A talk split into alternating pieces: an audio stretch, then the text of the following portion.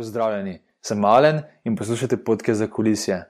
V njem skupaj pogledamo v zakulisje nekaterih najbolj znanih in zanimivih slovenskih podjetniških zgodb, z namenom, da se skupaj nekaj naučimo, kar lahko uporabimo na lastnih projektih. Za več informacij o projektu za kulisje pa si pogledajte spletno stran zakulisje.com. V deveti epizodi podcasta za kulisje sem se pogovarjal z Jano Fleischer, ki je ustanoviteljica verige zasebnih vrtcev Dobra Teta. Na idejo je prišla ob rojstvu prvega otroka, ko je ugotovila, da v bistvu ne bo dobila prostora v vrtu, kar je v bistvu znan problem veliko staršev v Sloveniji. Ker je že nekdaj imela podjetniško ambicijo, se je odločila ustanoviti zasebni vrtec in tako je leta 2011 nastala prva enota vrca Dobra Teta. V epizodi sva se z javno pogovarjala o veliko zanimivih temah. Za me osebno je izstopala um, debata o tem, kako ustanoviti zasebni vrtec, kjer so se bolj podrobno dotaknila kako ugotoviti, oziroma kako uh, izpolniti vse pogoje uh, slovenske zakonodaje o ustanovitvi zasebnega vrca. Zanimiva je bila tudi tema o tem, kako na podjetnice, oziroma kako na mame, ki so verjem tudi podjetnice, gleda slovenska družba, oziroma kako jih obsoja. Uh, Jana je na to temo povedala, kako je sama uspela um, premagati te obsodbe pod navednicami. Uh, Jana Fleischer je prejela tudi nagrado za mlado podjetnico leta 2014, ki jo podeluje Zavod Mladi Podjetnik, ki ima tudi portal uh, mladipodjetnik.si, ki ga priporočam vsem poslušalcem, saj lahko tam najdete uporabne informacije za začetek klasne podjetniške zgodbe. Torej, kje, se, kje in kdaj se začne tvoja podjetniška zgodba oziroma ambicija, pa mogoče še kaj pred dobro teto, če je bilo? V bistvu že v od otroštva se spomnim, sem vedno hrpenela po samostojnosti. Vedno se mi je zdelo tako, da odrasli mi tako fino, ker se sami odločajo, imajo svojo svobodo. Pa ne gre le samo za, za finančna sredstva, ampak tako, da se lahko odločaš že te osnovne stvari, kaj boš danes delal, kdaj greš spat, take osnovne, neka svoboda. In to, to se mi je zmeraj zdelo tako noro dobro. Um, sem pa vedno hrpenila potem, da, da tudi finančno postanem čim bolj neodvisna, ker mi je bilo vedno zoporno staršem reči: O, jaz bi pa to rada, imate kaj. Um, in sem v bistvu imela priložnost, da pač stric ima vrtnarijo in sem lahko pri 12 letih hodila pomagati. Uh, in to je bila ena taka prva izkušnja, ki je bila sicer, rekla, kar pestra, ker pač je dosti fizičnega dela, ampak po drugi strani pa zelo zanimiva izkušnja. No? Um, potem pa ko pa sem dopolnila 15 let, so seveda prišle um, študentska dela v poštev. Takrat sem začela v, v trgovini, ker meni je bila trgovina tako. Ker sem bila majhna, sem vedno sanjala, da bom imela market, ker takrat so bili marketi, wow. Ne? In sem vedno sanjala, wow, market, jaz bom imela svoj market. V Kamniku se še prav spomnim, sem vedno hodila mimo enega MT-ja, marketa, ki je bil v bistvu v kleti ene hiše. In jim bilo tako vedno, wow, pa v bistvu, če bi danes pogledala, ne vem, če bi šla tja, ker je tako kripi izgledalo vse skupaj. No, in potem, ko sem malo zrasla, sem začela sanjati, o, jaz bi pa imela mrežo marketov, tako verigo, ker to je pač le boljš. Uh, nekako so bile tudi moje sanje, vedno po neki samostojni poti, po svoji poti, pa vedno sem nekako um, to najdla v trgovini. Jaz načeloma imam tako rekla, malo um, motno, jaz recimo moram v trgovini, sploh na blagajni, kaj čakam. Če niso, ne vem, zvečilni gumi tam zloženi, moram jaz to popraviti in me mož velikrat zanalaš iz ene škatlice v drugo, da in gleda, da bi zdržala, ne. Ampak enostavno rabim stvari imeti čim bolj, tako bom rekla, v vrsti, v redu. Um, tako da potem sem pa v bistvu, jaz dokaj kmalo začela delati, nekje pri sedemnajstih sem začela delati um, pač po sili razmer, pa po želji po samostojnosti v McDonald'su. Začela sem čist pri zadnjem delu, od čiščenja vecejo, pospravljanja vsega, vse smo čistili. Do tega, da sem pač v roku pol, v devetih mesecev začela učiti druge, do tega, da sem pač v parih letih vodila restauracijo in je bilo v bistvu zelo zanimivo, ker je bilo takrat tako obseg, da je bilo tudi nekje 50 zaposlenih, oziroma 50 ljudi, ki delali, niso bili vsi redno zaposleni. Je, to, je pa, to je pa Ringelšpil, to je bilo pa noro, ker smo delali v Domžalah, ni bilo avtoceste in vsi so tam mimo vozili. Se spomnim, en dan smo imeli 28 avtobusov, poleg rednih strank in je bilo čisto noro. In tiste špice so dale meni tako res adrenalin, užitek, ki v bistvu, ko pogledaš situacijo, si točno vedel, da tole se sploh ne more izideti, ker ni teorije, da to zdržiš, pa smo vse spali. No? In te, te stvari so bile meni zmer noro dobre. Um, potem, pa, po nekih letih, sem se odločila, da tam zapustim. in sem pač rabila z danes na jutr um, drugo službo, sem se zaposlila pač. Tu se govorim preko študenta, še v, v eni pakarni, sem jaz še čarno in tam sem se blazno navdušila nad peko, kar še danes z veseljem delam. Pač dobila sem insiderske informacije od strokovnjakov, od slešičar, ki jim je bilo noro dobro. Potem je prišel čas, da sem prišla v FUMC, čisto IT podjetje. Um, po pravici povedano, jaz do takrat še laptopa v rokah nisem imela. in ko sem prišla tja, sem v bistvu prišla kot front desk servisa. In je bilo tako zelo zanimivo. Um, Hec je bil v tem, da so bili v bistvu to čist moški kolektiv, sami fanti. In jaz tam ena punca, ki res nisem imela pojma o IT-ju, res nič. In ko sem videla, da so se fanti mali začeli um, mali grad z mano, ker pač nisem vedela, kako zgleda, kaj pa je svem modem v laptopu. Um, in so se pač norce delali z meni, sem pač zadeve začela. Študirati in sem jih preštudirala, tako sem poznala vse komponente, da sem naredila vse certifikate za serviserja, tudi za serverje določene. Um, zato, da sem lahko razumela, kaj delam. In, in je bilo tako zelo zanimivo. No, tam sem pa potem v devetih letih zamenjala kar nekaj delovnih mest, dobila ogromno izkušenj, do tega, da sem bila potem pomočnik direktorja samostojnega podjetja.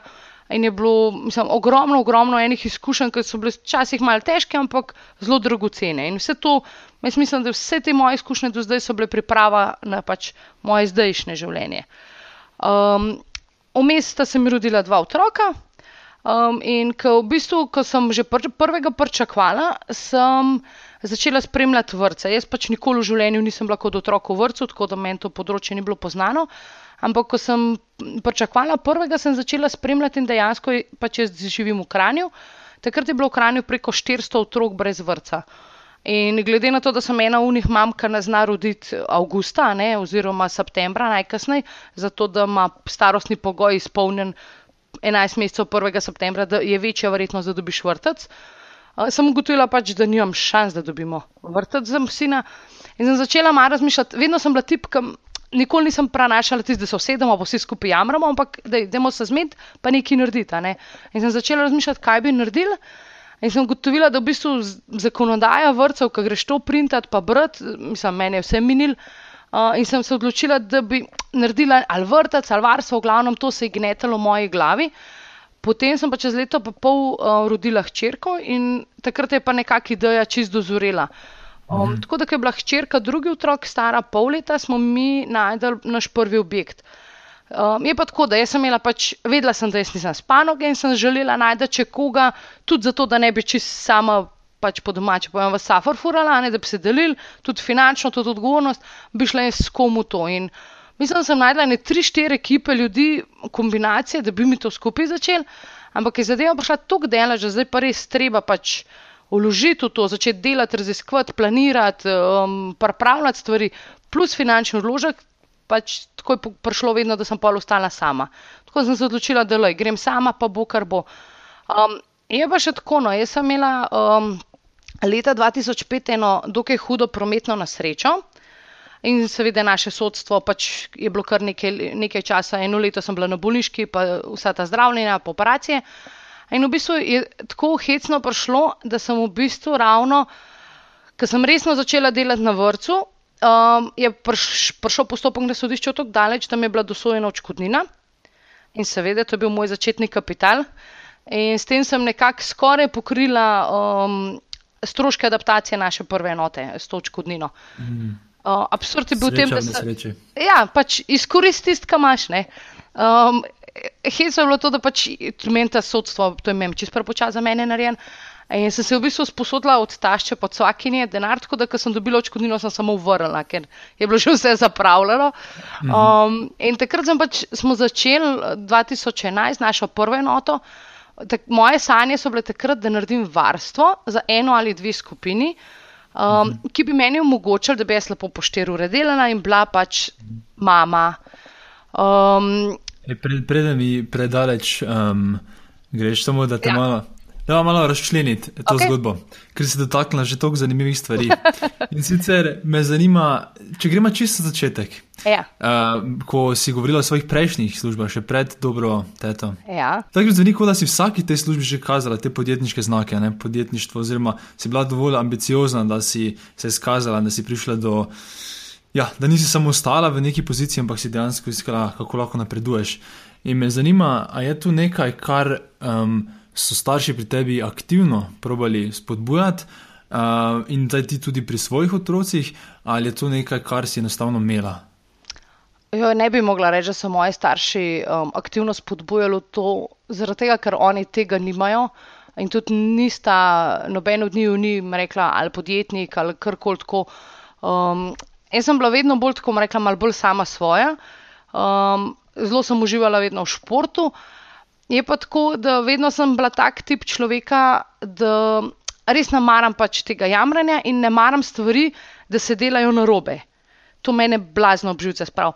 Ne vem, če je nek protokol, um, v katerem jaz vidim vsaj tri napake, oziroma vidim tri možnosti za optimizacijo, ker bom potem jaz lažje delala in bojo stvari, ne vem, lažje, bolj transparentne ali karkoli. Jaz ne moram to kar gledati, ampak moram te stvari začeti popravljati. In se mi mhm. zdi, da, da ta moja želja po spreminjanju je pač um, mi prinesla toliko priložnosti, da, da sem pač lahko, rekla, dobila nove možnosti, napredovala. Um, je pa tudi um, Jaz sem bila vedno zelo tako resna ali odgovorna. No. Um, jaz, ko sem bila mlajša, sem zelo težko prepisala svoje leta. Vedno, vedno sem stvari jemala zelo resno. Recimo tudi preko študentskega dela, jaz nisem nikoli, da bi rekla, da me kar ni bilo v službo ali da bi kar nekaj sanjala. Pač vedno tisto, kar sem delala, sem bila stoprocentna pri tem, pa vedno sem se imela fino. Še danes nazaj, ko pogledam, jaz sem delala mrske, od tega, da sem delala v trgovini, do tega, da sem deklaracije lepila in kup teh študentskih del.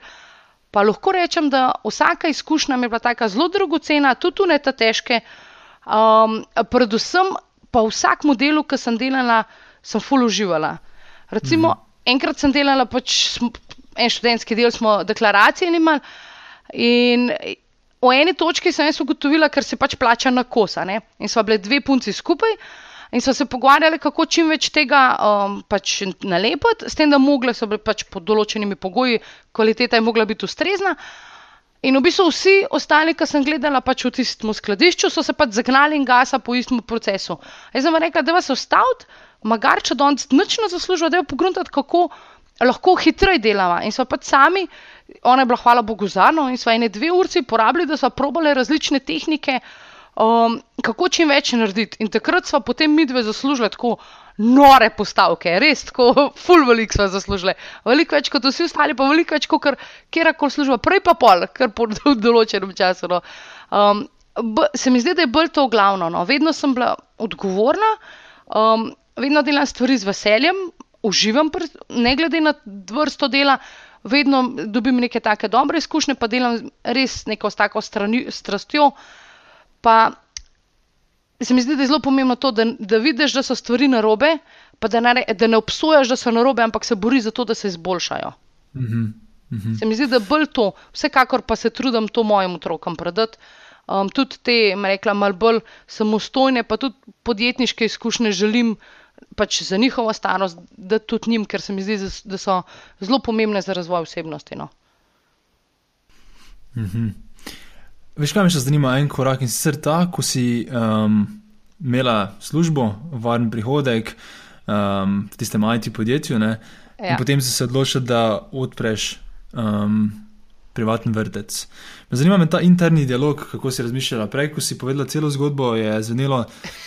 Veš tako zelo hitro in da se je zgodilo. Enostavno, ja, enostavno se je zgodilo, se čuti, da je to pravi trenutek. Ampak me zanima, kaj je bil tvoj interni dialog v tistem času in kako si se dejansko pripravila na to, da, in koliko časa je cel ta proces trajal in kaj so bile največje prepreke.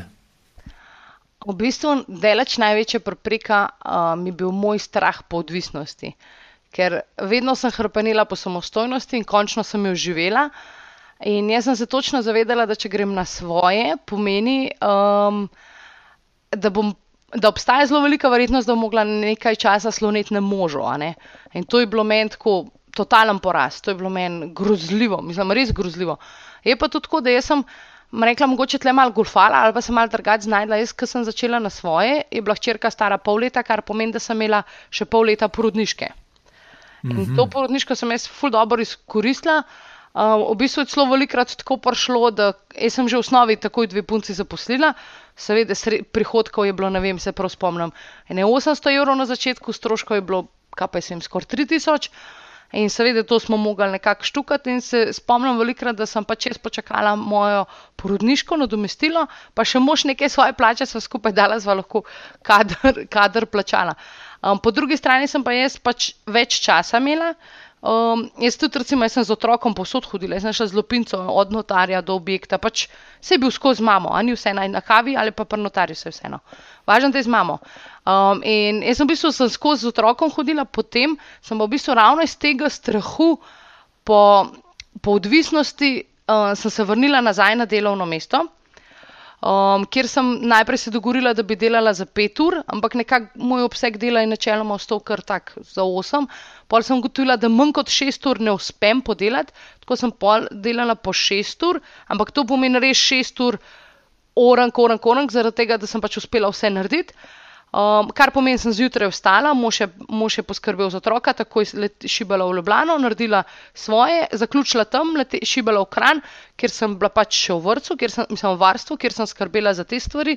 Popovdne je bila mama, po, po zvečer pa spet skrbela za varstvo od vem, spletne strani do Facebooka, vseh milijonov pravil, tudi, s katerimi se tudi podjetniki ukvarjamo, sploh v začetni fazi. Um, tako da potem pa v bistvu, ko smo začeli drugo enoto delati, je bil pa moment, ko je pa v bistvu moj mož naredil en zelo dober korak, pa sem bila takrat malo jezna na njega, danes pa še zmer hvaležna, ker je enostavno rekel, da je zdaj pa tako. Če želiš delati novo enoto, jaz te podpiram, daj, ampak pusti službo. Ne moreš več, ne gre, dol boš padla, ker sem res delala do dveh zjutraj, ob šestih naprej in sem res na rezervo laufala. In takrat sem pač rekla, ok, zdaj pa mogoče pa res moment. Um, je pa tako, da v moji službi takrat sicer mi je bilo fino delati, ampak nisem več tega čutila, um, neke rastino. -hmm. Sem hodila v službo, nisem več uživala. In zato je bil ta korak meni toliko bolj logičen, uh, zamikala sem ga pa samo iz strahu odvisnosti. Tako da, potem, ko je pač mož meni dejansko skoraj ultimat postavil, sem se odločila, ok, zdaj pa nimam kaj, sem pač dala odpoved um, in sem se pač za štiri ure zaposlila pri sebi. Se mi zdi um, zanimivo, se mi zdi to, da si imela na eni strani to varnost ne, in neodvisnost, kot si govorila, finančno v službi, potem pa si popoldne poskušala, čeprav si imela že otroka, narediti um, podjetniško zgodbo. Uh -huh. Potem, ko si začutila dovolj te um, trakcije, oziroma trakšna, potem si komaj naredila ta preskok. Ne. To mi je zanimivo. Torej, da, ker eni se pa kar vrže v vodo in reče, ok ni čas, moram vse pustiti, da sploh probam. Kako bi se ti s tem strinjala, da je treba na začetku res vse pustiti, ali je bolj pametno še vedno imeti eno nogo na tej varni strani in potem z eno nogo pa malo samo tipati vodo?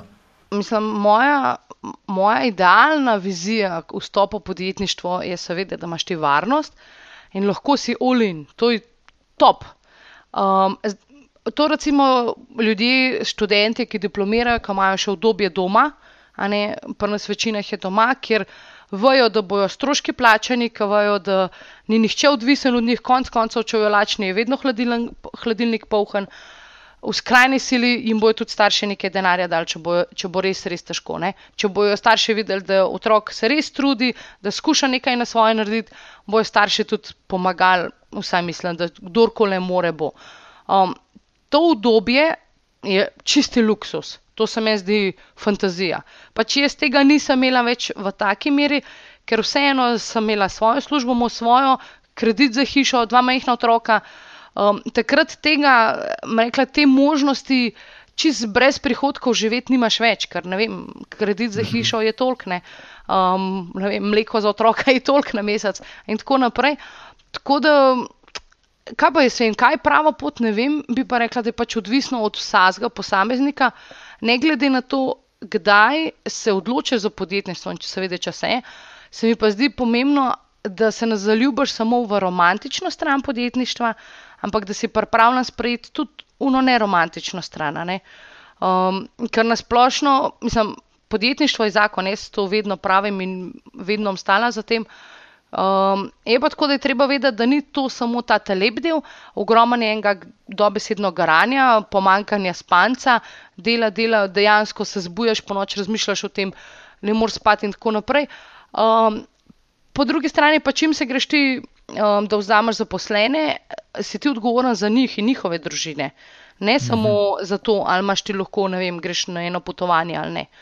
Tako da to se mi zdi pomembno, da se zavedaš, na kateri točki si in da se zavedaš, da si pripravljen prevzeti to odgovornost. Mhm. Tako da meni se zdi bolj to ključno. Um, kdaj pa ta pravi čas je pa itak zelo, zelo individualno. Je pa luksus, da si doma, da imaš to obdobje, to je pa čisto noro dobro. Ja, jaz tudi, ko gledam nazaj na tisti čas, sem mogoče malo jezen na sebe, da nisem takrat več proval, ampak takrat pa imaš druge, druge rečemo, blokade v glavi, ki so tudi uh, tako močne, da si misliš, mogoče pa je bilo boljše, da najprej dobim službo. Ne? Um, Ja. Kakorkoli. Veš kaj, da ima malo razčleni, če ta, zanima me, če si ti, ko si začela z iskanjem te ideje, še predtem si ustanovila, um, koliko si naredila dejansko analize um, in kako si naredila v bistvu to analizo, kaj ti vrci ostali v Sloveniji ponujajo in, in kaj bo tvoj um, ponujal. O, boh pomagaj. Tole pa, to pa ni glih uh, vzorče primerno. Um, moja analiza je sicer bila bolj na tem vidiku, kaj starši potrebujejo, na čem se pritožujejo, ker jaz sama izkušnje vrca nisem imela. Um, tako da bi zelo težko res neko širino dobila. Um, sem naredila ene ankete, to vem, da smo jih naredili, čist take na domačem serverju, web ankete, pa pošiljala. Potem sem izkoristila to um, community of mamic, ki so v bistvu zelo aktivne, takrat so bili ti forumi ful popularni. In sem v bistvu, mislim, sem dala eno anketo, ven, ke sem iskala točen kako pa kaj. Um, kjer sem se dotikala tega, ali, ali bi bilo staršem zanimivo to, da bi recimo ena družina, recimo mama, ki je doma z otrokom, eh, še čuvala za enega drugega, um, kako bi te stvari, kako bi gledali varstvo, kaj mi je pomembno, kako bi bili pripravljeni plačati, do tega z ne vem, rojstne dneve animacije in te stvari. V bistvu sem eno tako veliko anketo naredila, kjer sem vključila vsa področja, ki, so meni interesirala. Um, in sem potem na podlagi te baze mamic um, dobila kar preko 1000, 1700, mislim, da je bilo izpolnjenih anket, sem dobila mm. kar eno tako dober pogled, um, kaj dejansko ljudje mislijo. No? Um, to je bilo najbolj, kar se strokovne raziskave trga tiče, narejeno z moje strani. Drugo je bilo pa bolj tako. Um, kakšno je dejansko popraševanje v Kranju, kakšne so cene, recimo, prvarstvih, um, kaj je ljudem všeč pri varnstvih, kaj jim ni všeč, kaj pogrešajo, kaj želijo drugače. Predvsem pa sem vse čas, pa še vedno izhajam iz sebe, iz sebe kot mame, iz sebe uh, kot osebe, kaj, kaj je želim mojim otrokom dati. In tudi naš vrtec je zdaj narejen po tem načelu. Mi se ne obremenjujemo s temi preveč aktivnostmi, so na voljo, seveda pa so, ampak predvsem poskrbimo, prvi korak je to, da poskrbimo, da se otroci počutijo slišane, varne, ljubljene, sprejete. Predvsem na tem čustvenem nivoju delamo, potem pa nadgrajujemo. a ne. Nažalost se ta čustveni del zelo velikokrat pozab, je pa treba vedeti, da vsi rabimo se počutiti slišane pa sprejete, predvsem pa 11-mesečnik, ki gre stran od mame in tudi mama, ki gre stran od otroka, mora čutiti ta to varnost, to ljubezen. Um, zato, da, da lahko funkcionira naprej, pa da lahko otrokom rekla, da neko dovoljenje, da se sploh spozna z novim okoljem. Tako da nekako nekak tako smo začeli. No. Um, Ja, ne, me, jaz bi te rad popravil in rekel, da meni se zdi to zelo vzorčen primer analize. Ja, ker tudi mi, ne vem, na IDU, ko delamo čisto nove projekte za podjetja, kako naredimo, je, da se pogovarjamo z strankami, pravimo ugotoviti, kaj so njihove potrebe in um, kaj so njihove potrebe, probleme, ovire ne? in na podlagi tega narediti rešitev. Sicer te številke, ponovadi ljudje, ko slišijo analizo trga, to najprej pomislijo na številke, pa velikost panoge. In vse to je tudi pomembno, no? ampak kdo se ljudi pozabi na ta najbolj človeški del, da najdeš, uh, oziroma da oblikuješ rešitev, ki bo nekdo dejansko pripravljen plačati. Ne? Ampak tu v drugem delu odgovora si se pomalo že dotaknila um, teh vrednot v vašem vrtu. Pa bi te mogoče prosil, če opišeš, kaj so te vrednote oziroma načela, na katerem sloni um, dobra teta in po čem je vrtec drugačen od drugih. Uf, um, mi predvsem delamo na tem, v našem vrtu delamo na tem, da um, poskrbimo za varno ljubeče okolje. Delamo po načelu čoječnosti, kar pomeni, um, da najprej poskrbimo, da se starši počutijo varne, ker če se starši ne počutijo dobro, um, se absolutno otrok ne more, ker se pač ta energija stiska prenaša. Tako da najprej, najprej nam je ključnega pomena, da poskrbimo, da je že podprl prostor, da so ljudje sproščeni, da je vse tako bolj domače. Tudi naši vrtci so zelo majhni, imajo dva oddelka, pa povem, največji, najmanjši ima celo samo en oddelek, tako da v bistvu v celem vrtu samo 14 otrok. Um, in v bistvu osnova nam je to, da se počutijo varne da um, pomeni, da od, se odzovemo na njihove potrebe, pa ne govorim samo po teh potrebah, po hranjenju, pa negi, ampak predvsem na to čustveno potrebo. Ko je otroku hudo, da se ga potolaži, da se vedno odzovemo na njega, da ga objamemo, da se pogovorimo z njim, da ga ne zamotimo, ampak dejansko naslovimo čustva. Zelo veliko časa porabimo, da komuniciramo starši o pomembnosti obesedjanju čustev mislim, da če bi se mi kot družba to naučili delati, bi bil svet močno lepši. Ker gre predvsem ja. za to, da otroku, ko je težko, ne smemo reči, um, ah, nič ni tajska, se ni nič, kaj se pa jokaš. Ne?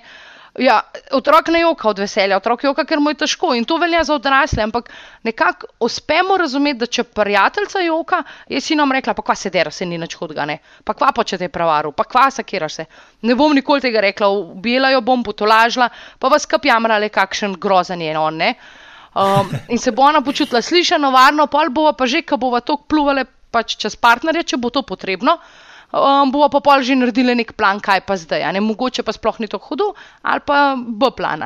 Pri otrocih si pa pogosto tako, da starše oziroma odrasle nas pravijo v stisko, kot otroki oka, mi ne vemo, kaj narediti in ga dejansko povozimo in ga kaznujemo. Ne vem, najbolj tiste absurdne so mi, kar rečejo starši dvoletniku, pojdi v sobo pa razmisli, kaj si naredil pustimo to, da otrok eh, nevrološko sploh še ni tega sposoben, eh, po drugo, kako se počuti, že tako se grozno počuti in potem ga mi še kaznujemo dejansko z usamitvijo zaradi tega, ker je pokazal, kaj čuti.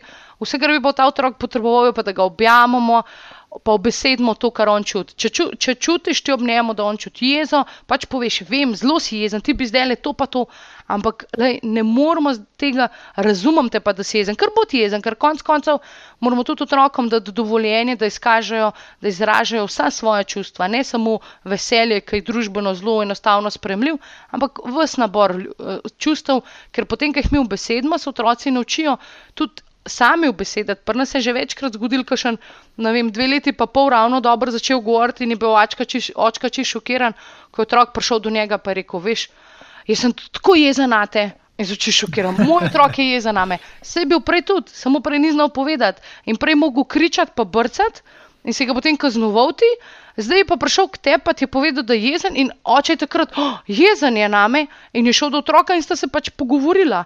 Um, razlika je samo v tem, da dejansko odrasli potem lažje sprejmemo, če nam kdo verbalizira, otroci se pa nimajo od koga učiti, če mi tega ne delamo. In eh, tle je en tak, rekla, en, en korak, ki sicer ni tako velik, je pa zelo težek, ker mi nismo tega bili naučeni, ker se sploh pri puncah ne bi bile skozi vesele pa srečne, ne, um, se ne sme kazati teh težkih čustev. Tle se mi zdi, da imamo še zelo, zelo, zelo veliko za narediti. Um, mi kot vrtec, mi kot vzgojitelji in pač kot družba. Ja. To so te osnovne stvari.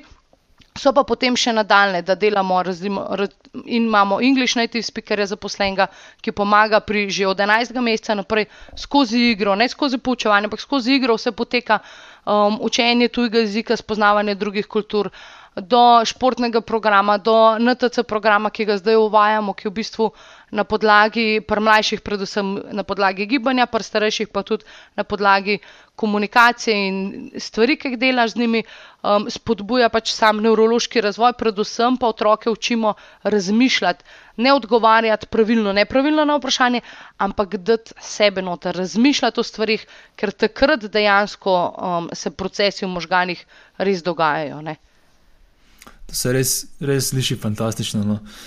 Meni se zdi to res ful pomembno, ker dosti ljudi ne, postanejo najstniki, oziroma pač že zaposleni in sploh ne znajo še vedno niti razumeti, kaj se dogaja v njihovi glavi, kar se tiče čustev, psiholoških zvodov in naprej. In to, da že pri malem začneš o tem razmišljati, je idealno. No? Koliko stvari si lahko prišparaš, je neverjetno. Uh, kako pa vi to spodbujate pri starših? Kaj imate nek poseben program, ko jih učite, kako lahko oni to pri svojih otrocih uh, spodbujajo? Ali, um, ja, kako? Um, v bistvu pod prvo jih učimo na tak način, da mi delamo z otroki na tak način. Da um, v stalni komunikaciji vzgojitelj otrok, mislim, vzgojitelj starš, um, je vedno komunikacija na tak način. Torej, ko bo starš izrazil, ne vem, joj, ne vem, ogromen primerov se zgodi, kaj pa jim pride novorojenček in ima ta večji otrok, ki je normalno spal. Um, ker naenkrat ne spi več in skozi hoče biti pri starših. Po noč hodih nima, se zbuja, ob treh zjutraj bi se eno uro pogovarjal, starša sta že tako izčrpana, še novorojenček se joka in tako naprej. In uh, tle je potem veliko teh vzvodov ali pa rekla igrca ali pa preusmeritev odpove, ker otrok ima pač potrebo po prisotnosti staršev, predvsem pa potrebo po varnosti, zagotovitvi varnosti. In recimo v takih situacijah se potem starši mi pogovarjamo in pod prvo jih tudi, če mama reče, sem znorela naga ob treh zjutraj, mi ne napadamo mamo, pa rečemo, ja, kaj ste pa mislili, da ob dveh zjutraj se derate nad otroka. Nikoli. Mi se zavedamo, da je mama tako reagirala iz njene stiske. Noben mhm. starš ni. Ne vem, nasramen jeza na svojega otroka ali pa izraža jezo zaradi tega, ker bi hotel otroka, otroku slabo. Vedno vsi starši smo najboljša možna verzija starša, kot zmoremo biti. Zato mhm. tudi mi rabimo čutiti nek občutek varnosti. In tukaj je zelo pomembno, da mi kot vrtec, vzgojitelj, kot prvi stik s starši, um, zgradim tak varen odnos in potem, če zgradiš varen odnos, se bodo tudi starši obrnili k tebi po pomoč, ko jim bo težko, ko bodo imeli zive. Um, po drugo, sem tudi jaz vedno stalno vsem dostopna, moja telefonska številka, posod napisana, moj telefon je vedno z mano. Tako da v takih situacijah si vzamemo čas, je pa dejstvo, da eni starši zelo hitro poiščejo pomoč, pa so zelo odprti. Um, Velikrat se pa zgodi, da tudi ne eno. Ker tudi, recimo, ko opazujemo v vrtu, kaj pa je ločitve, staršev pač imamo 160 otrok in nažalost je tudi to del tega. Um, recimo, eni starši se pač usedejo, dogovorijo in se potem dejansko tega držijo, in potem tudi oba starša se res truta vlagati čas otroka. Um, drugi starši je pa lahko zelo grdo vse skupaj ne? in spet račun plača otrok. Um, tako da Na, mi imamo pa tudi razli, različne šole za starše, imamo vedno predavanja, tudi nudimo um, v določenih situacijah, če seveda potreba. Um, imamo pač um, strokovnjake, od psihologov, psihoterapevtov, ki lahko pomagajo, ki se usedajo mhm. starši, pogovorijo, seveda v primerih, ko so starši zainteresirani za tako pomoč. Zdaj, ob tej razlagi mi je prišla na misel slovenska zakonodaja in kako slovenska zakonodaja sploh dovoljuje uh, nove pristope v svojem delu. Ampak dajmo začeti uh, to vprašanje glede zakonodaje čisto na začetku. In sicer ti si prej že omenila, da ko si začela z razmišljanjem, boš odprla vrtec, da je prva prepreka bila ta slovenska, slovenski predpisi. Torej, kako je izgledalo, kako si se ti tega lotila, da si ugotovila, kaj vse moraš naredi, da lahko odpreš vrtec. In če lahko mogoče izpostaviš par najbolj smešnih zakonodaj, ki so v zvezi s tem. V bistvu, ko sem jaz začela same zakone brati, vse normative, standarde, zahteve, um, mislim, da je moj mož preštel, da sem sedemkrat pokurila vso zakonodajo, ki sem jo sprintala, potem tudi v kaminu, ker sem nekako ene tolkrat obupala na tem, uh, ker je, to je bilo tako uh, družinski hobi. No. V bistvu, koliko časa bo Jana zdržala, preden znori nad vsem tem in obupa. Um, tako da mislim, da je bilo to ene sedemkrat, to je mož povedal. Uh, v bistvu, najprej sem jaz naredila varstvo, ravno zaradi tega, da sem se ogala te zakonodaje. Pot, to je bilo pač septembra 2011, potem je bil pa, mislim, da julija 2012 podpisan zakon o uravnoteženju javnih financ, ki pa je nudil um, varuhom na domu, da so bili upravičeni do sofinanciranja. Torej, um, va, če je bil varuh uradno prijavljen, um, s tem, da so bili pogoji takrat. Mislim, da je bila um, polnoletnost, nekaznovanost, pa peta stopnja izobrazbe, katere koli smeri, um, in si lahko postal varuh na domu, so bili upravičeni do um, sofinanciranja, kar recimo za jasličnega otroka nanese cirka 100 evrov. Um, mi kot varstvo v taki obliki, kot smo bili v obliki zavoda, pa nismo bili upravičeni. In mi, glede na to, da smo mi poiskali prostor, plačevali najemnino, tako v osnovi že dva redno zaposlili, plačevali vse prispevke, vse davke, vse tako, kot je treba, nikakor nismo mogli konkurirati več um, varuhom na domu, ker pač oni so to doma delali. Um, en kup stroškov jim je bilo prehranjenega, niso plačevali prispevke za zaposlene in tako naprej. Um, tako da tle mi cenovno nismo mogli konkurirati, pol, potem so pa še oni to subvencijo dobili in dejansko so bili varuhi s ceno, kaj se jim 200 evrov, pa še 150, mi pa s 380 in smo kar nekaj otrok zgubili na ta račun, ker so starši rekli, da je super, se imamo tle, ampak enostavno smo dobili ali javen vrca ali eno varuha, ki je manj kot pol vaše cene in ne gre drugačne. In -hmm. to je bilo zelo težko za nas. In takrat, takrat sem jaz prišla do ene točke, ko sem dejansko rekla, da zdaj pa, zdaj pa treba naprej in se je treba tega zakona, zakona ulotiti. In sem začela dejansko spremljati vrce in novogradne in adaptacije in vse, um, kaj se dogaja, kakšne so prilagoditve.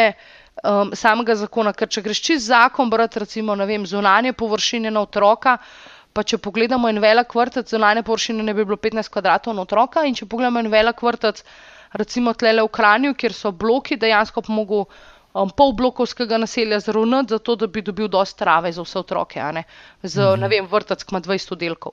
Deja, ni izvedljivo. No? Um, potem sem jaz v bistvu skozi čas, skozi izkušnje, skozi. Pregledovanja dokumentacij, obiskovanja različnih vrtcev, ugotovila, kje so tiste rekla, prilagoditve, ki so možne.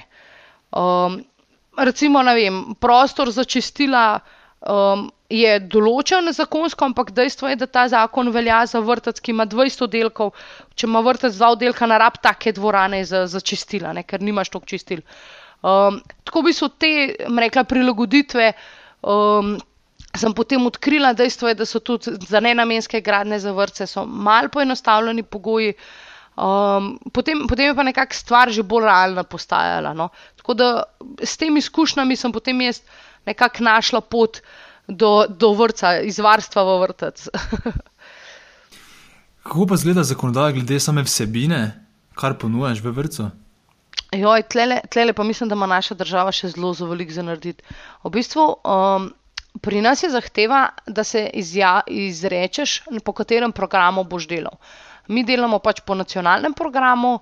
Um, in tle pač bolj nadzorujejo z pedagoškega vidika, kako se usmerja pedagoge, um, koliko je rednih hospitacij, koliko je teh aktivov, um, mogoče niti ne toliko v, v sam program. Ker nacionalni program je rekla, ni toliko strogo zapisan kot je recimo Montessori ali Valdorski, ampak je zelo odprt. In meni to po pravici pa ne zelo paše, um, ker, ker se lažje, lažje prilagajamo otrokom pa lažje spremenjamo teme, se, je, se načrtuje, pa vse tako, kot se more, pa pedagoško, ampak a, lažje mi izhajamo iz otrok. Recimo, ti lahko septembra planiraš, kaj boš delal marca, ampak recimo marca, kaj se jim so štiri mamice od otrok noseče. In če se ti takrat se mislil pogovarjati o pomladi, to odpade, ker se boš pogovarjal o dojenčkih, ker je to vroča tema takrat. Uh, Um, pride tudi do tega, da, vem, tako kot sem prej omenila, pride do ločitve v skupini, ima še enega, dva otroka, je treba te stvari obdelati. Ne tako, da so ostali zapostavljeni, ampak da se pogovarjamo o teh stvarih, ker so ključne, da so jo tudi tisti otroci, ki so v tej situaciji, tisti moment, počutili slišane, pa varne. Ne more se strogo držati um, predpisanega in to nam ta nacionalni program omogoča, recimo, kar je v šoli že malo teže, um, da lahko mi prilagajamo um, tematike, vsebine, res pa je pač, da moramo še vedno stremeti k določenim ciljem, kar se pač strinjam.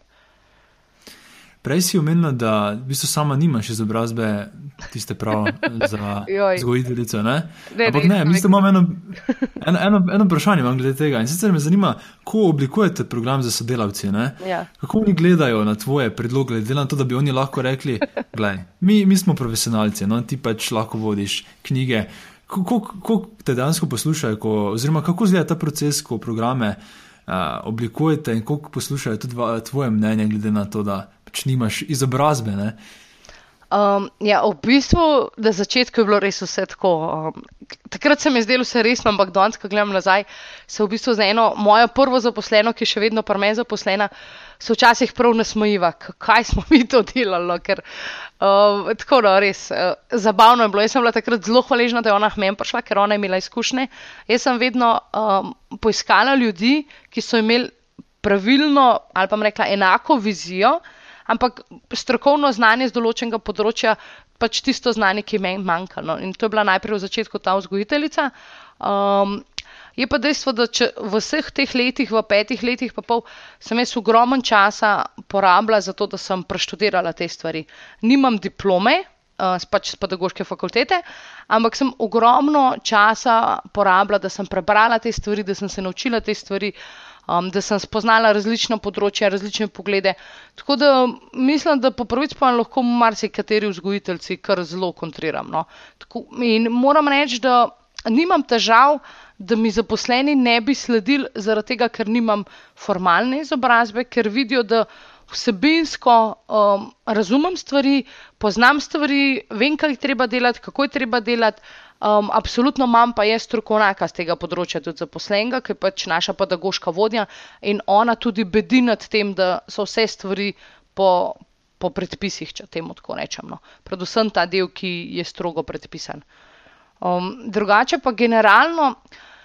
Jaz vrtec vidim bolj kot čisto neko zdravo kmečko pametno. Jaz mislim, da pri vzgoji, pa nasplošno pri človeških odnosih, je treba mogoče manj filozofirati, pa čim bolj uporabljati tisto osnovno kmečko pamet, osnovno znanje, empatijo, ki nam je že dano v zipko in nam je potem um, družba, pa izobraževanje, pa vse to vzgoja um, omeji. In tle se mi zdi, da tudi mi, ko se izobražujemo, imamo recimo od psihoterapeutov, psihologov, ki nas kader redno izobražuje, um, se mi zdi, da največja revolucija, ki jo slišimo, največja novost, potem, ko dobro pomisliš, v bistvu je tisto, kar že neka zdrava kma, kmečka pameti da vedeti. Mm -hmm.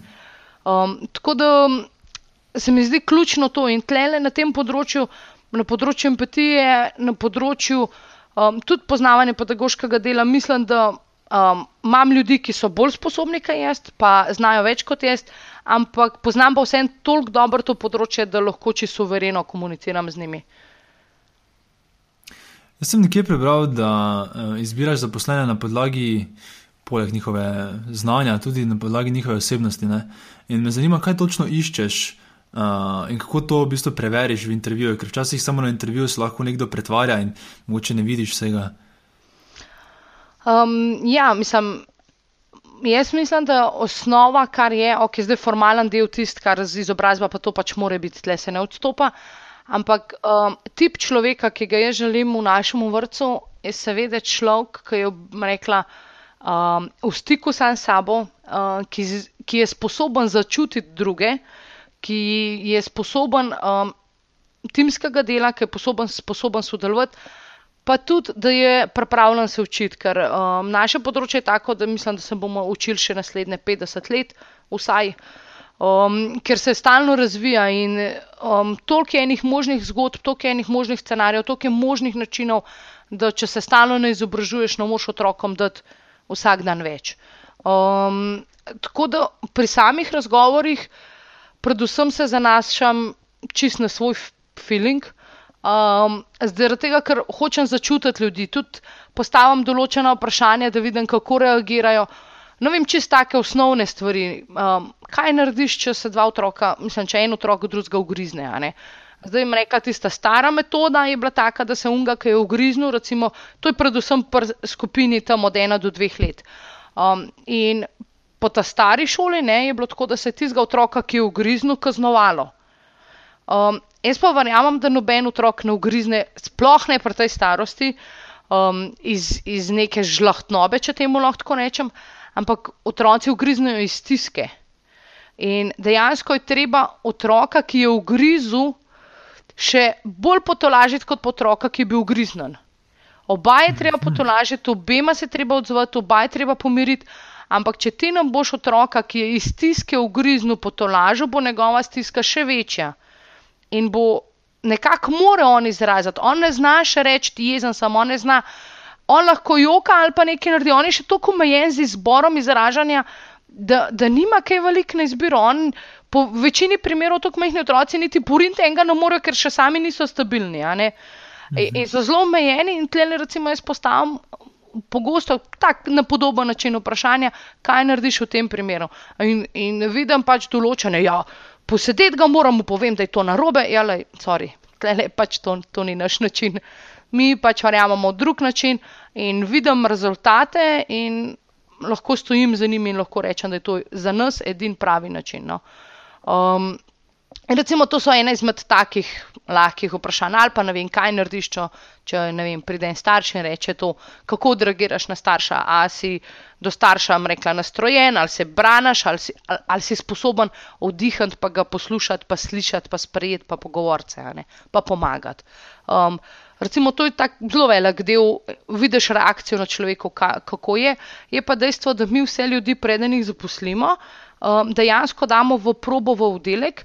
Je pa tako, da recimo, če vzgojiteljica rabi pomočnico, damo točno tej vzgojiteljici um, par ljudi na probo v skupino in potem tudi ona um, vidi, katera tudi njej paše. Ker se mi zdi ključno ne samo, da imaš dva človeka v isti skupini, ki sta super, ampak morata biti kompatibilna. Ker um, to je bolj pomembno, kot pa, da sta vsak kot individualna super.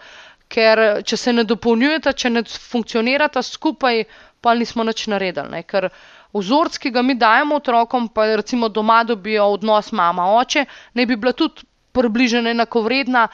Um, izmenjujeta se, seveda, odvisno od naloge, enkrat je en, enkrat je bolj drug, rekla glavni. Um, in isto ne bi bilo v vrtu, ne da je vzgojiteljca, rekla ta, ta mata, pomočnica pa čist spodaj, tudi v družini ne bi bili odnosi približno enako in tudi v oddelku. In če hočemo, da pomočnica in vzgojiteljca super funkcionirata, uh, morata tudi energijo imeti pravo, da sta kompatibilni. Tako da dejansko s kadrom potem izberemo zadnjo odločitev iščete kdaj tudi kakšna specifična znanja. Naprimer, uh, mislim, da sem nekje te slišal reči, da razmišljaš tudi o neki vrsti podjetniškem izobraževanju vrtcev. Če ja. je to res, ne, bi potem ja. iskali nekega prav podjetnika, ki bi delal v vrtu, ali, ali bi najeli nekega od zunaj, da pride pa pomaga tu pa tam. V bistvu mi smo tlele se zelo najdel v NTC programu, ker jaz nimam želje učiti direktno podjetništvo, ampak samo podjetnost. Uh, Um, uh mhm. -huh. Meni se zdi zelo pomembno, da otroke spodbujamo, ker otroci to že imajo v sebi, ampak da jih spodbujamo k temu, da iščejo rešitve v dani situaciji. In recimo NTC ima zelo, zelo dobro podlago um, narejeno za to, da otroci razmišljajo, ne da samo sledijo in čakajo in so pasivni, ampak da dejansko aktivno razmišljajo, sodelujejo, so ustvarjajo um, različne ali tematike ali dela, kako koli. Um, in imam, moja želja pa še vedno, no, in jaz upam, da se bo čim prej uh, zadeva uh, realizirala, v bistvu, da bi postavili NTC centre, kjer bi v bistvu tudi zunanjim otrokom to omogočili, ker se mi zdi, da vseeno šolski sistem imamo trenutno tako, kot ga imamo, um, in je preveč temeljil vse na tem pravilno, nepravilno. Um, mhm. In v bistvu v teh centrih bi otrokom omogočili um, izražati, pa iskati skupaj rešitve. Um, po, potem, pa, potem pa je želja, da bi pač zadevo nadgradila, um, rekla z učenjem podjetnosti, kjer bi bila osnova NTC znanje. Um, nadgradila pa pa tako, da bi dejansko naredili produkte. Um, cel, cel, življenjski cikl produkta. R, recimo, veš, če mi rečemo, da ja, je bila narejena tržna raziskava, vsi mislimo, da to je treba vem, poklicati novo podjetje, ti oni računajo to, ali pa ne vem, boš delal to dve leti. Ne, tržna raziskava je lahko, da ti narediš en prototip, ki ga lahko či sam narediš in greš na cesto in vprašaš ljudi, ali pa sploh brez prototipa, greš na cesto in vprašaš nekaj ljudi. Ne? Um, jaz imam željo, da bi z otroki začeli delati stvari um, na tak način, da v bistvu bi bila jaz kot ali pa pač nekdo kot mentor, ki bi jih samo spodbujal in vodil, da bi v bistvu otroci dobili izkušnjo, koliko je zadeva dokaj enostavna, predvsem pa da vidijo, da ni to, to nek tak bav, bav, ki velikrat v družbi hoče biti. No. To bi bilo po mojem res fenomenalno. Ampak zakaj misliš, da je to tako bav, bav v slovenski družbi? Uf, zaradi tega, ker, ker smo preveč polni nekih strahov, ker, ker se tako blazno bojimo poraza. Um, se veš, v Sloveniji, če narediš podjetje, ki ga potem ne vem, čez nekaj časa zapreš, um, nisi nis ravno označen kot nek heroj ali pa ja, kot nekaj ja. dobrega, si sramota. Ne? Um, to se mi zdi zelo žalostno, ne? ker zakaj, pa kaj pol. Jaz verjamem, da si skozi to izkušnjo, če nisi okrog, rekla, če nisi v tem času nekoga v paharu, če nimaš ljudi, ki so zaradi tebe, ne vem, bankrotirali, če, če si pač delo, kolikor je bilo možno dobro in potem prejš na točko, ko ugotoviš, da pa ne gre, ne pokriješ stvari in zapreš, stlele vidim samo dobro učno lekcijo. Um, v naši družbi pa to drugače. Um, pri nas, boh nadej, da zapreš podjetje. Tudi jaz sem se sama na začetku borila s tem, me je bilo zelo strah, kaj bo. Predvsem pa mogoče niti nisem sama si to v glavo cepila, ampak potem, ko sem začenjala, so mi drugi, kaj pa če narata, ja, kaj boš pol. Pa sploh nisem imela odgovora, ker jaz nisem nikoli razmišljala, kaj če narata. Jaz sem samo razmišljala, kaj narediti, da bo uspel, ne kaj če narata. Pač o tem ne razmišljaš. Um, in je po svoje prav, da ne, ker pol se ti lahko v glavo zacepi. Tako da jaz mislim, da je treba malo bolj podpirati en drugega, um, pa preveč je tega obsojanja, pa fušarije. No. Tako da po drugi strani pa tako, če verjameš sam vase, ti tudi te stvari te ne zamajajo toliko, da bi te podrle. No. Več podpore en drugmu.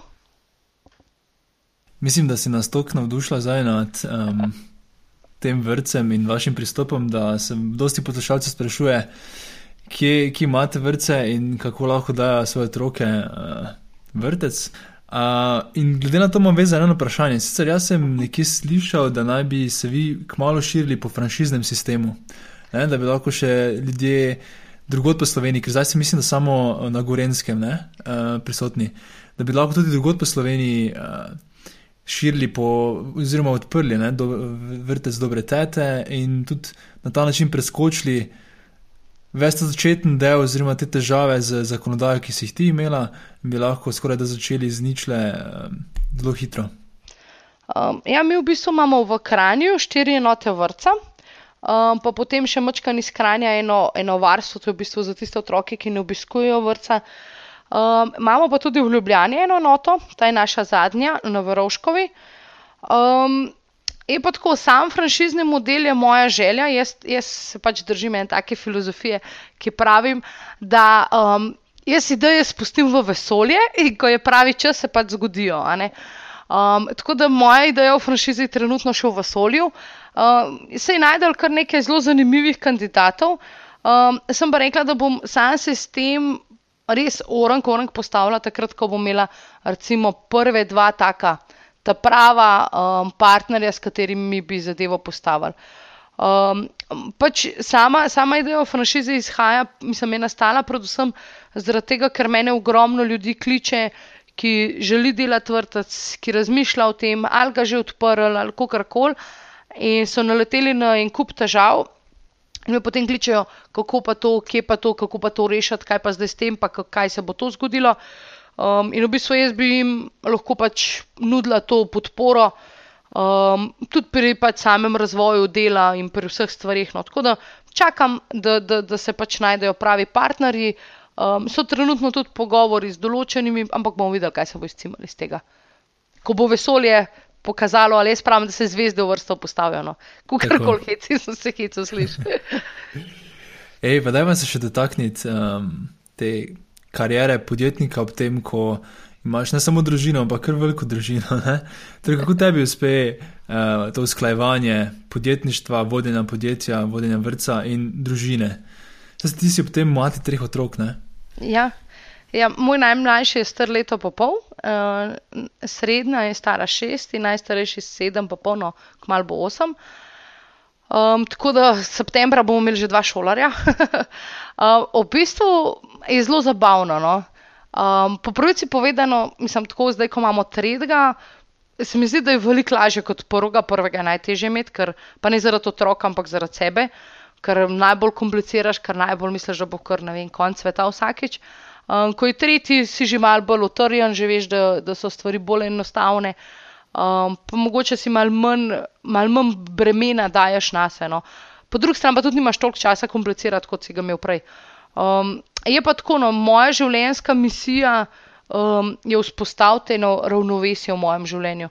Um, to, s tem se že nekaj časa borim, no zdaj sicer, pa če sem lansko leto bila še rekla na porodniški, če se temu lahko reče. No, um, zdaj, zdaj je pač sin že v vrtu, stvari so se normalizirale, tako da bom sam, samo ravnovesje ali bom rekla neko um, pravilno delitev um, lažje vzpostavila. Je pa tako, da um, pod prvo rabaš podporo. No. Jaz recimo mamice, ki so samohranilke, da mi je skapo dol vsaki, ali ima enega, ali ima dva, ali ima tri, ni važno.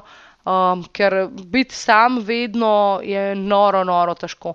Jaz sem to srečo, da imam moža, ki ima zelo visoko uporabno vrednost, s tem rečem, kar pomeni, da je, da je, da je človek, da recimo on zjutraj, skoraj vedno on zjutraj otroke razvozi.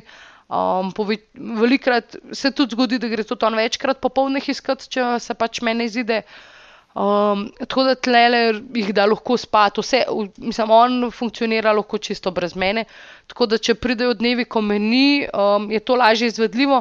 Je pa tudi tako, da ima tudi on tako službo, da ga kdaj ni, um, pa pač takrat je pa vse na meni. Ampak nekako se mi zdi, da je ključno to, da s partnerjem um, podpirata en drugega na vseh področjih in probata pač uskladiti nekako urnik. Recimo zadnjič se je zgodil, je on rekel, da je tak sonček bi šel jaz teč, popovdne smo prišli domov, sem šel, jaz sem šla po otroke, on prišel domov, je šel takoj teč, popovdne um, smo imeli še ene opravke, zvečer, ko so šli otroci spat, sem šla pa jaz lahko doma. Tako da nekako si probamo razporediti, predvsem pa, da ne rušimo tega družinskega časa, ki ga je pa itak pramalne. Prej smo se, prej smo začeli snemati, pogovarjali o teh pritiskih družbe na žensko, ki, ki ima neke svoje cilje, uh -huh. eh, oziroma podjetniške cilje, in potem pa mora še vedno vzgajati otroke. Lahko malo več o tem poveš?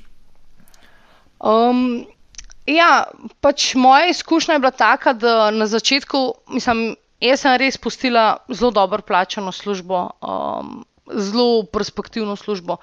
Um, zaradi tega, ker sem se pač odločila iti na svoje, kar pomeni, da sem prišla pod prvo z dobre varnosti, do tega, da pač nisem imela prihodkov. Um, in to, to je mene, rekla, v družbi sem bila deležna kar, kar veliko obsojanja. No? Sploh hčerka je bila takrat stara pol leta in to je veljalo tako, niti ne za pogumno, ampak neodgovorno odločitev. Kako lahko, ne?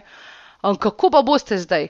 Um, tega, tega je bilo ogromno. Predvsem pa potem se mi zdi, da pri nas v naši družbi velja to, da ko si ti mama, si lahko mama in to je to. Že če imaš kakšen hobi, če imaš karkoli zraven, kljub temu, da je to recimo v času, ko otroci spijo, um, je to že tako, rekla si že po svoje preveč prvoščaš. Um, podjetništvo je pa sploh taka zadeva, ki pa ni enkrat na teden za eno uro, ampak je to je del tebe, to si ti. To, po noč, ko se zbudiš, razmišljaš o tem. Um, ne vem, ko se otrok zbudi, otroka daš spat in potem ti melaš, kaj bomo, pa kako bomo, pa kalkuliraš, pa planiraš, pa tako naprej. To se veliko krat zgodi, da ostaneš, pa gre za beleža, da greš lahko nazaj spat.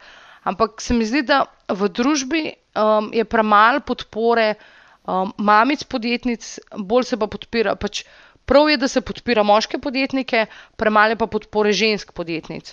Um, mm -hmm. Jaz sicer ne maram ločevati ženskega in moškega podjetništva, ker konec koncev v podjetništvu načeloma vse en, kaj si, kakšna je tvoja anatomija, ampak um, se mi zdi bolj ključno to, da mame vseeno smo običajno bolj obremenjene kot moški, kot očetje.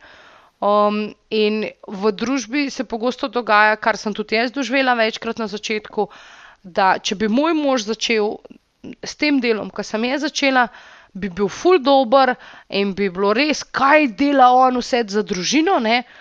Um, jaz sem bila pa neodgovorna in kako si upam, pa dva majhna otroka, pa kredit za hišo, pa ne, mislim, tako no.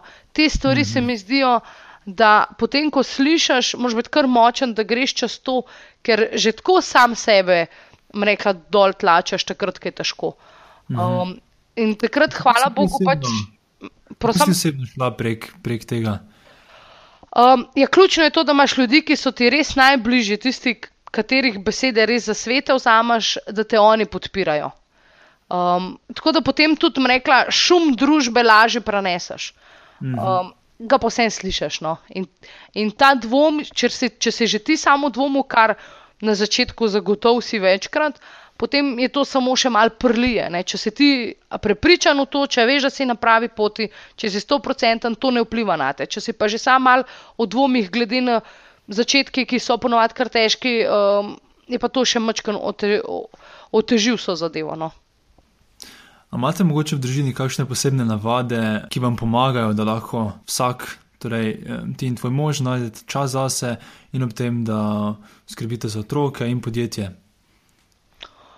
Uh, kaj pa jaz vem. Da prekla posebne navade, ne vem, nam so navadne, tako da ne vem, če so posebne. V bistvu trudimo se vzeti čas en za drugega, vedno se poslušamo, če se le da. Um, tako da se v bistvu vsi čutijo slišani. Zelo nam je pa obema z možem pomembno, da delava na način, da, ima, da povezujeva otroke. Da so vsi trije, recimo tudi najmlajši, je pač res mlajši od drugih dveh, ampak da vsi trije probajo funkcionirati, da skrbijo en za drugega, da so sočutni en do drugega. Po drugi strani imajo pa vsi možnost svojega miru, kar se mi zdi tudi ključnega pomena. Imamo pa recimo, um, ne vem, če se le da, vedno večerjamo skupaj, um, imamo filmske večere, um, praznovanje, tako te stvari, ki so pa, rekla, zgolj naše. Um, in to, to se mi zdi fino. No? Mislim, recimo, ko gre najmlajši spat, ker je bolj zgoden, kakšen vikend, potem prvošmo sta velikimi dvema, da se spravimo v pižame in imamo filmski večer in seveda tradicionalno kokice zraven. In, in takrat se crklamo in je pač fantastično. Um, najmlajši še ne sodeluje, no? za zdaj. Um, take stvari se mi zdijo ključne. No? To, da si vzameš čas, se pa tudi zelo trudimo, um, oba zmožen, da namenjava vsaj eno uro vsakmu otroku na teden, individualno. Torej, mož, ne vem, najstarejši sin, eno uro ima ta čizaca, jaz poskrbim za druge dva in one dva delata, kar pač one dva, predvsem, kar sin želi. Vmes uh, si tudi omenila, da ima vsak otrok čas zase. Ali lahko to malo bolj razložiš, kaj to pomeni? Um, meni se zdi zelo ključno, da imajo otroci, recimo tudi šolski, no, jaz vidim prsinu, on točno ve, kakšne so njegove odgovornosti. Jaz nisem tisti tip mame, ki bi vsak dan eno uro z njim nalogo delala. Jaz ga učim na ta način, da sem mu vedno na voljo, ko rabi pomoč in ravno tako mož. Um, je pa to njegova odgovornost, tako da noč tudi gre brez naloge. In v tem sem tudi z učiteljico govorila in tudi lepo sprejema, um, ker pač šola je njegova odgovornost, je pa tako, da ko pa ona rabi svoj mir, pa jaz poskrbim, recimo, da mu mlajši ne hodi v sobo, da mu ne nagaja, da ga sestra na mod. Pač se mi umaknemo zato, da ima on pravico, ne vem, v miru brati knjigo. Mm -hmm. Pač kar želi delati v tistem svojem času, um, ima možnost, kar reče, res, zdaj pa hoče imeti mir, pač mu zagotovimo. Vse tega ni ogromno, ampak takrat, ko začuti on potrebo po svojem prostoru, po svojem miru, ga tudi dobi. Imam še eno mogoče neumno vprašanje, ampak je potencialno zanimivo. In sicer me zanima, če to, da imaš dosti izkušen z vzgojo otrok v vrtu, pomaga pri vzgoju lastnih otrok ali v bistvu ravno obratno? Mhm, bolj obratno. No. Jaz um, bom tako rekla, če bi jaz vrtec odprla, prej sem postala mama, ma ne bi bila ta prava. No. Se mi zdi, da zdaj, ko skozi lastne izkušnje, ko skozi um, svoj način vzgoje. Um, lažje staršem pomagam, no, lažje se z njimi pogovarjam. Je pa res, da sem ogromno rekla, spremenila svoj način vzgoje zaradi znanja, ki sem ga dobila v vrtu. Tako da v bistvu se zelo prepleta. Jaz sem lahko bolj. Več čutim empatije do staršev, več čutim empatije do otrok, zaradi tega, ker sem mama. Po drugi strani pa znanje, ki ga dobim, vključujem v, v, pač v naj način vzgoje. In posledično sem pač boljša mama oziroma boljša starša. Sva.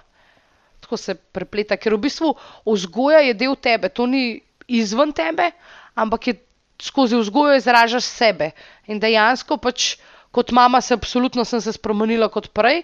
Odprej, um, potem pa skozi ta znanja, skozi vsa ta izobraževanja, sem pa tudi jaz spremenila pogled na stvari in posledično tudi drugače vzgajam. Kaj pa ena stvar, o kateri si si spremenila mnenje o izobrazbi v zadnjem času? Um, predvsem bom rekla, največ, kar se mi zdi ključno, to, no, ali pa sem pa vse popazila, da se je močno povečala empatija do vseh ostalih. No. Včasih se mi je zdelo, sploh pred časom, ko sem postala mama, um, sem kar dosti lahkoto obsojala druge. Zdaj, ko pa razumem, ko sem na tej strani, pa ko razumem, kaj vse ljudje doživijo, pa po mojem se še vseh scenarijev niti ne znam predstavljati. um, se je pa močno, močno povečala empatija, pa enostavno sprejemanje vseh, vseh, ne glede na karkoli, ne glede na njihovo preteklo zgodbo, um, reakcijo, karkoli. Kako pa lahko pri otrocih zbujamo, razvijamo empatijo? Pod prvo, najbolj ključno z vzgledom. Če smo mi iskreni, če jo mi čutimo, če delamo potem, um, otroci v osnovi imajo. Mi jim v bistvu otroci so zelo empatični. Tudi recimo, kaj se jim, ko je otrok star par mesecev in greš zdravniku, če bo en jokal, bo tudi moj jokal ker so zelo hiter, um, zelo visoko stopno empatije čutijo. Problem je v tem, da, jim, da jih mi, um, rekla, onemogočimo oziroma zaviramo pri izražanju tega, oziroma jim jo uklestimo skozi našo vzgojo, pa skozi naš sistem. Mm -hmm. Tako da, če smo mi empatični, če mi čutimo empatijo, če jo izražamo, um, bomo samo negovali to otrokovo stanje, ki ga že ima. Zanimivo. Ja, meni se zdi to zelo pomembno. Um, še eno vprašanje imam, um, s katerim bi rad mogoče malo zaokrožil tudi tvoj tisti uh, začetni del, ko smo se pogovarjali o tem, kako si začela in potrebe po varnosti. In sicer me zanima, kakšen svet bi dala nekomu, ki mogoče že dlje časa razmišlja o neki poslovni ideji, pa rečemo tudi, da ima družino, ne, da ima neke obveznosti. In, in rečemo, ta oseba se za nikakor ne upa provati tega, kakšen svet bi imela za njih. Um, če res verjamem v to, če prvo, kar jaz mislim, da je ključno pri podjetništvu, je to, da si zaljubljen v to. Um, ker se mi zdi ključnega pomena, da si v svojo idejo, jaz temu rečem, kar zaljubljen, da čutiš ogromno strasti do tega, ker potem si pripravljen je čez te lep, pa čez mal manj lepša. Um, če je pa oseba, ki, ki je rekla starš, ki ima odgovornosti, ki se pač enostavno ne more kar prvošati ostati brez prihodkov, pa mogoče še z dolgovi. Um, bi pa jaz potem eh, predlagala, da si dozira podjetništvo um, po količinah, ki jih zmore.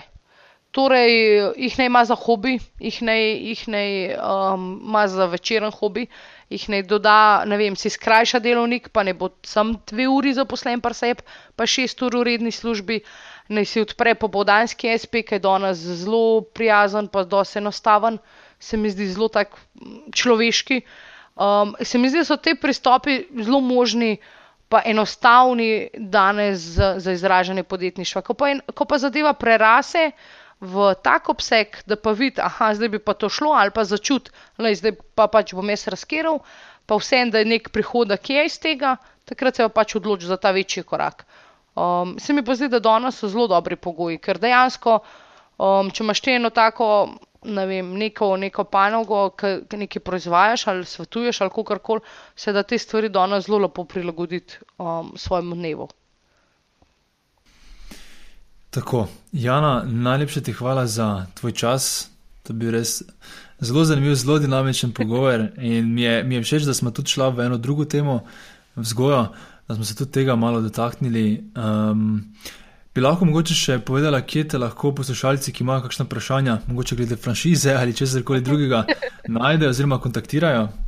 Um, ja, jaz sem naša spletna stran je www.dobrateta.si. Um, imamo seveda tudi vrtec Dobra teta na Facebooku. Um, moj mail je jana.afna.dobrateta.si. Telefonska številka je tudi objavljena na Pageu in je posod, kjer je napisana direktno moja, tako da um, sem dosegljiva dejansko skoraj kadarkoli. No. Tako da, kakršno koli vprašanje z veseljem pomagam, odgovorim, ali pa naredimo skupaj franšizo, kaj pa veš. ja. Najlepša hvala še enkrat. Tudi tebi, hvala, Alen. Tako, to je vse v današnji epizodi. Če ti podcast za kulise všeč, te vabim, da se prijaviš na mailing listu na zakulisi.com, da boš obveščen ob objavi naslednje epizode. Zaenkrat se je izkazalo, da je ena epizoda na dva tedna dobra frekvenca, tako da bom kar nadaljeval s tem. A ja, pa hvala vsem, ki ste oddali ocene in komentarje na iTunesu. Za tiste, ki pa še tega niste naredili, vas vabim, da mi tako pomagate razširiti besedo o tem projektu, saj z vsako oceno in komentarjem iTunes boljše nagira podcast in ga potem lahko odkriješ več ljudi. Hvala še enkrat in se slišimo v kratkem.